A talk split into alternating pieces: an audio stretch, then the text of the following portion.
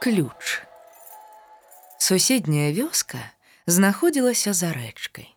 Двароў там было не надта шмат, а дзяцей яшчэ меней. Самай малодшай дзяўчынкай там была куліна.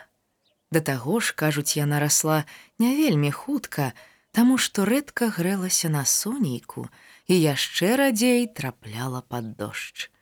Дрэннымі паводзінамі ці шкоднасцю яна не вылучалася, але была надзвычай нязграбная. Павернецца і ў вока мошка патрапіць, і ад таго лыпне, А як лыпне, курка знікне. Падыме далоньку па яблык і выпадкова закране іншы. Другі яблык зваліцца ў кошык і ўсе яйкі ў ім паб'е. Адкрые рот нешта сказаць, і яго дым ад вогнішча напоўніць, ад таго чхне з усіх сіл, што з галавы да ног, ператрэсвае. А як чхне з усіх сіл, посуд зваліцца і паб'ецца на тысячы аскепкаў. А як паб'ецца посуд на тысячы аскепкаў, хто-небудзь стане і парэжацца. А бацька куліны вельмі не любіў, калі дзеці глупствам займаюцца і хатнія справы псуюць. Таму часта караў дачку. За любую правіну саджаў яе ў пуню і замыкаў, а ключ насіў у сябе пад шыяй, паміж галавой і вузлом ад маці.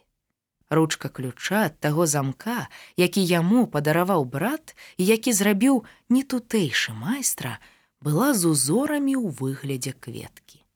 І ў зялёныя, і ў белыя дні, і раніца і ўвечары куліна сядзела ў той пуні, а бывала і ўсю ноч.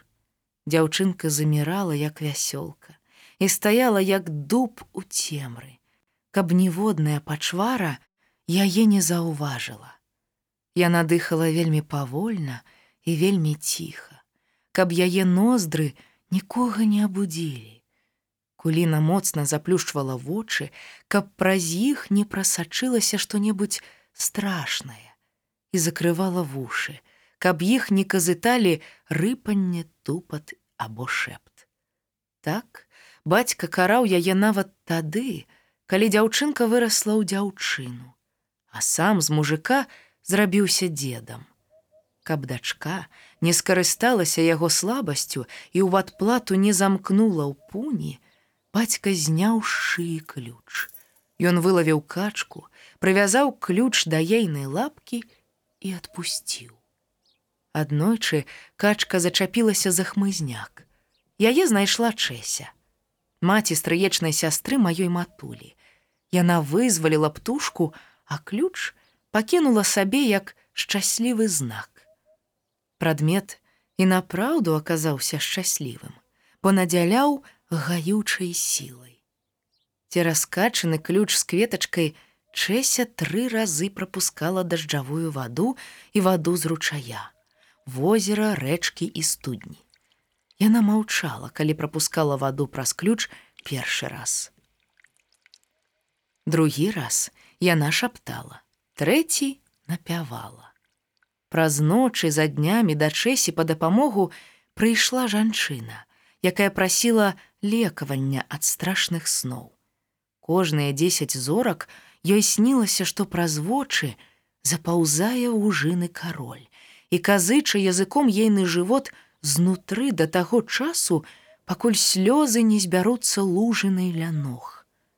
Чэся дастала ключ, і вочы жанчыны праглынулі павекі. Чэся тройчы паліла кветку качанага ключа вадой дажджу, ручайка, возера рэчкі і студні, і ноздры жанчыны зліпліся. Чэся памыла той вадой твар жанчыны, і яна раптам замерла як вясёлка, а праз адзін удар сэрца павалілася на зямлю і больш не падымалася.